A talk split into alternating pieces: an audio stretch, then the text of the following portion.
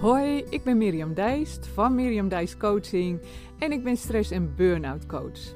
En met deze Naar een lichter leven podcast neem ik je mee hoe je stress en spanningen helemaal kunt loslaten en je zo weer rustig, energiek en ontspannen gaat voelen, waardoor je veel meer van alles en iedereen in je omgeving kunt genieten en vooral ook van jezelf. Goeiedag en uh, welkom weer bij podcast nummer 44. En uh, ja, hoe ik die in wil leiden is dat ik uh, afgelopen week een appje kreeg van mijn zwager. En uh, die is homeopathisch arts. En nou ja, die vindt het leuk om zo af en toe wat uh, wetenswaardigheden te delen. Zo noem ik het maar even. Hè, waarvan hij denkt dat het interessant kan zijn voor mij. Dus dat zijn bijvoorbeeld uh, filmpjes over een bepaalde methode of zo. Die je ook via coaching kan gebruiken. Of een artikel over een onderzoek of zo. Nou, nu had hij uh, afgelopen week dus ook zoiets doorgestuurd. En daar zat dan zo'n linkje ook bij naar een uh, filmpje op YouTube, uh, zag ik. En dan had hij daaronder nog geappt, echt wat voor jou, lieverd. Nou, nou heb ik echt wel een goede relatie met mijn zwager hoor. Maar ja, lieverd, ja, zo heeft hij me eigenlijk nog nooit genoemd. En al zeker niet in een appje als hij, nou ja, zoiets doorstuurt. En ik zat uh, s'avonds op de bank dat ik dat uh, appje kreeg. Dus uh, ik vertelde dat zo aan Rick, mijn man. Dat ik eigenlijk ook een beetje het idee had van... ja, is dat filmpje wat hij doorstuurde dan wel voor mij?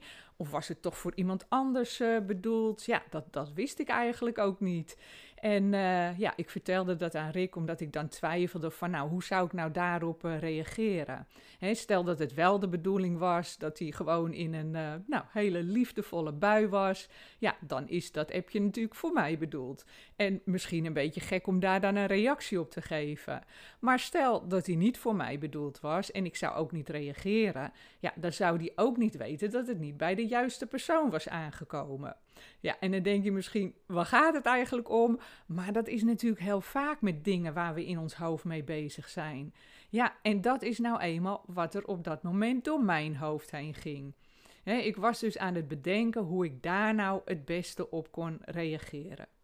En mijn zoon die uh, was ook thuis en die zat het zo allemaal uh, even aan te horen wat ik vertelde. En die zei, ja, je kan ook gewoon niet reageren hoor, gewoon simpel. En ja, dat kon in mijn beleving dan weer niet. dan hou je het zo vaag. En ja, ik hou juist van een open en duidelijke communicatie. Dat is trouwens ook leuk dat ik dat heel vaak uh, van mijn klanten terugkrijg. Dat dat uh, inderdaad zo is. En ja, daarnaast, als ik dan niet zou reageren, dan weet ik van mezelf dat ik daar in mijn hoofd nog de hele tijd mee bezig zou blijven. Met die vraag: is dat nou wel of niet voor mij bedoeld?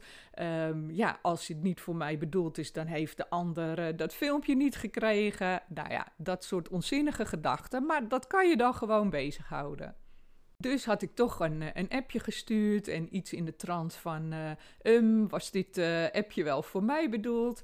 En waarop hij gelijk ook reageerde... Oh nee, nee, dat was inderdaad voor iemand anders. Maar, zei hij, het kan voor jou ook een leuk filmpje zijn hoor, best interessant. En toen dacht ik, ja, zie je, toch even reageren, ook weer opgelost. Het kan maar duidelijk zijn, toch? En niet reageren op een appje of een mailtje, ja, vind ik sowieso eigenlijk not done. Ook al vind je iets niet leuk, of ben je het ergens niet mee eens, of wil je iets niet doen, ja, dan kan je dat er gewoon eerlijk aangeven.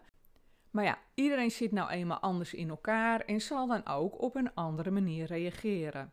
En ik weet dat ik uh, van huis uit heb meegekregen dat we thuis echt over van alles en nog wat konden hebben. En er werd ook nog naar je mening geluisterd. Hè. Dat was dan vaak s'avonds met z'n allen aan tafel. Ik heb nog een uh, jongere broer en zus, dus dan zaten we met z'n vijven. Dus ja, dat kon best wel eens bepaalde discussies opleveren. En ik wil ook niet zeggen hè, dat mijn mening, omdat je die dan gewoon op tafel kon leggen, ook leidend was. Maar uitspreken kon in ieder geval wel. En uh, ik zei het al, dan hadden van die discussies, maar wel altijd op een positieve manier. Gewoon ook leuk eigenlijk. Maar als ik dan zo de verhalen hoor van mijn coachklanten, ja, dan weet ik natuurlijk als geen ander dat iedereen ook anders in elkaar zit. En dat heeft er voornamelijk mee te maken dat je ook andere dingen van huis uit hebt meegekregen. Nou, zo hoor ik uh, tijdens de gesprekken best wel eens dat iemand het juist wel moeilijk vindt om zijn mening te geven hè, of om zich te durven uit te spreken. Nou, en als we dan verder doorvragen, hè, als ik dan verder doorvraag, dan komen we meestal op zo'n onderliggende oorzaak daarvan uit. En uh, ja, dan kan het bijvoorbeeld uh, iets dergelijks zijn als dat je ouders regelmatig wel eens ruzie hebt horen maken. En uh, ja, dan kan jij vervolgens denken, nou, ik doe maar gewoon wat ze willen of wat er gezegd wordt, want anders is er ook weer een keer ruzie. Ja, dan ben je bang geworden om op die manier de confrontatie aan te gaan. En ja, ik gebruik dat woord nu confrontatie, maar ik vind dat zelf eigenlijk ja, een wat uh, te groot woord. Maar dat is wel het woord dat ik dan van iemand terugkrijg. Terwijl het in mijn beleving ja, gewoon een discussie is die je samen aangaat. Maar met dat woord dus, de confrontatie aangaan, geef je dus gelijk ook de zwaarte aan voor hoe iemand iets ervaart. Of uh, dat er een achtergrond is van uh, ja, een dominante vader of moeder. Zo van, nou, mijn wil is een wet.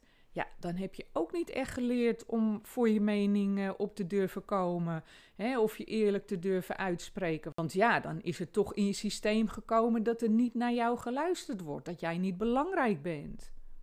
Nou, en dat is dan wel weer mooi om daar uh, via coaching op een andere manier mee om te leren gaan. He, dat ik daar een bijdrage voor iemand uh, in kan doen, he, iets voor iemand daarin kan betekenen. Want ja, juist als je niet makkelijk uitspreekt, he, dan maak je in je hoofd zo'n heel eigen verhaal uh, daarvan. Ja, en dat levert alleen maar stress op. Sowieso door alle mogelijke scenario's die je dan uh, aan het bedenken bent. Maar ook door het feit dat je je brein daarmee met al dat denkwerk constant maar aan het belasten bent. Door dus zo in je hoofd bezig te blijven. En dan kijken we tijdens het coachtraject niet alleen naar de tactiek of de methode om beter voor jezelf op te komen en je durven uit te spreken, maar juist dus ook naar die onderliggende oorzaak. En ja, dat is dan vaak een bepaalde angst die gecreëerd is, die op een gegeven moment is ontstaan. En ook daar gaan we dan via coaching op in. En dan gaat het in de praktijk brengen van zo'n methode gelijk al een stuk makkelijker. Simpelweg om dan die angst voor wat er gaat gebeuren als je je uitspreekt, nou, dat je die dan losgelaten kan hebben.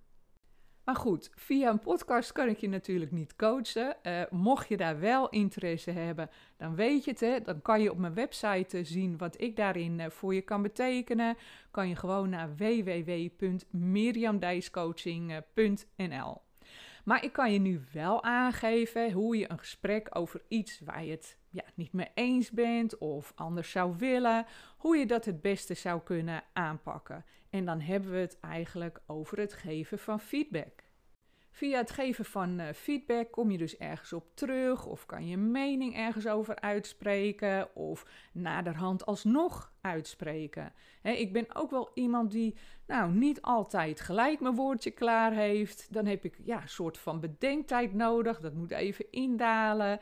En uh, ja, dan kan je altijd nog ergens op terugkomen. ik zeg ook wel eens: feedback geven kan een uur later, een dag later, een week later, een maand later. Het maakt niet uit. je hebt altijd het recht om op een later moment alsnog voor jezelf op te komen. Nou, de feedbackmethode dus. Allereerst begin je met het terugkomen op die nou, bepaalde gebeurtenis waar je het over wil hebben. En dat doe je door die heel objectief te omschrijven. Hè? Dus zonder oordeel daarin te leggen. En door ook helemaal bij jezelf te blijven. Hè? Dus niet jij doet altijd zo of jij doet altijd zus. Dan ben je een soort ja, in de aanval. En ja, dan, dan gaat zo'n discussie een hele verkeerde kant op. En bij jezelf blijven, hè, dan bedoel ik uh, hoe bijvoorbeeld iets dat gezegd werd op jou overkwam. Hè, dat je het niet als een soort vaststaand feit uh, aandraagt. Nou, ik zal een heel simpel uh, voorbeeldje geven. Hè, bijvoorbeeld dat je zegt, nou, ik wil het nog even met je hebben over dat je me niet liet uitspreken tijdens het overleg. Zoiets bijvoorbeeld. Nou, dan vertel je daarna wat dat met je deed. En dan gaat het hierbij juist om de emotie die je daardoor voelde bijvoorbeeld, uh, ik kreeg daardoor het gevoel dat uh, mijn mening niet belangrijk is. Uh, dat die niet waardevol is. dat je daardoor ook niet serieus genomen voelde. En dan vertel je daar achteraan wat die emotie voor jou voor gevolg had. dus in dit voorbeeld dat je het altijd al iets moeilijker vindt om je te laten horen in een overleg. En als iemand je dan nou, halverwege je verhaal afkapt en je het gevoel krijgt dat je niet serieus genomen wordt, ja, dat het voortaan nog lastiger voor je is om je verhaal te doen. He, want dan krijg je waarschijnlijk het idee, nou, dat kan zomaar weer een keer gebeuren. En daarna check je even of diegene begrijpt wat je bedoelt. He, of het duidelijk is. En dan kan je diegene ook gelijk de gelegenheid geven om daar weer even op te reageren. Maar dan is er daarna nog een belangrijk punt dat besproken moet worden, namelijk hoe je het voortaan zou willen. En welke afspraak kunnen jullie dus met elkaar maken om voortaan op een andere manier te kunnen omgaan met de gebeurtenis die je hebt aangekaart? En in dit geval dus simpel, als ik een keer het woord neem, zou je me dan eerst willen laten uitpraten. Dat is niet een hele moeilijke oplossing, maar wel goed om naar elkaar uit te spreken.